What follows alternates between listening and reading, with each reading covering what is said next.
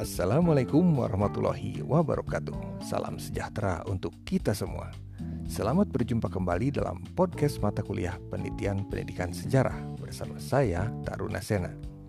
Alhamdulillah, kita masih diberi kesempatan untuk dapat saling bersilaturahmi walaupun secara daring. Pada pertemuan ke-9 ini akan mengkaji topik mengenai pengumpulan dan pengolahan data. Melalui podcast ini, diharapkan Anda sekalian dapat mengidentifikasi dan mendeskripsikan instrumen pengumpulan data penelitian pendidikan sejarah. Di pertemuan ini, Anda diminta untuk mencari dan mengkaji pengertian instrumen penelitian, tujuan, dan jenis-jenisnya. Lalu, berdasarkan jenis penelitian kelompok Anda masing-masing, Identifikasikanlah dan pilihlah instrumen penelitian yang paling sesuai. Gunakanlah sumber literatur yang dapat dipercaya.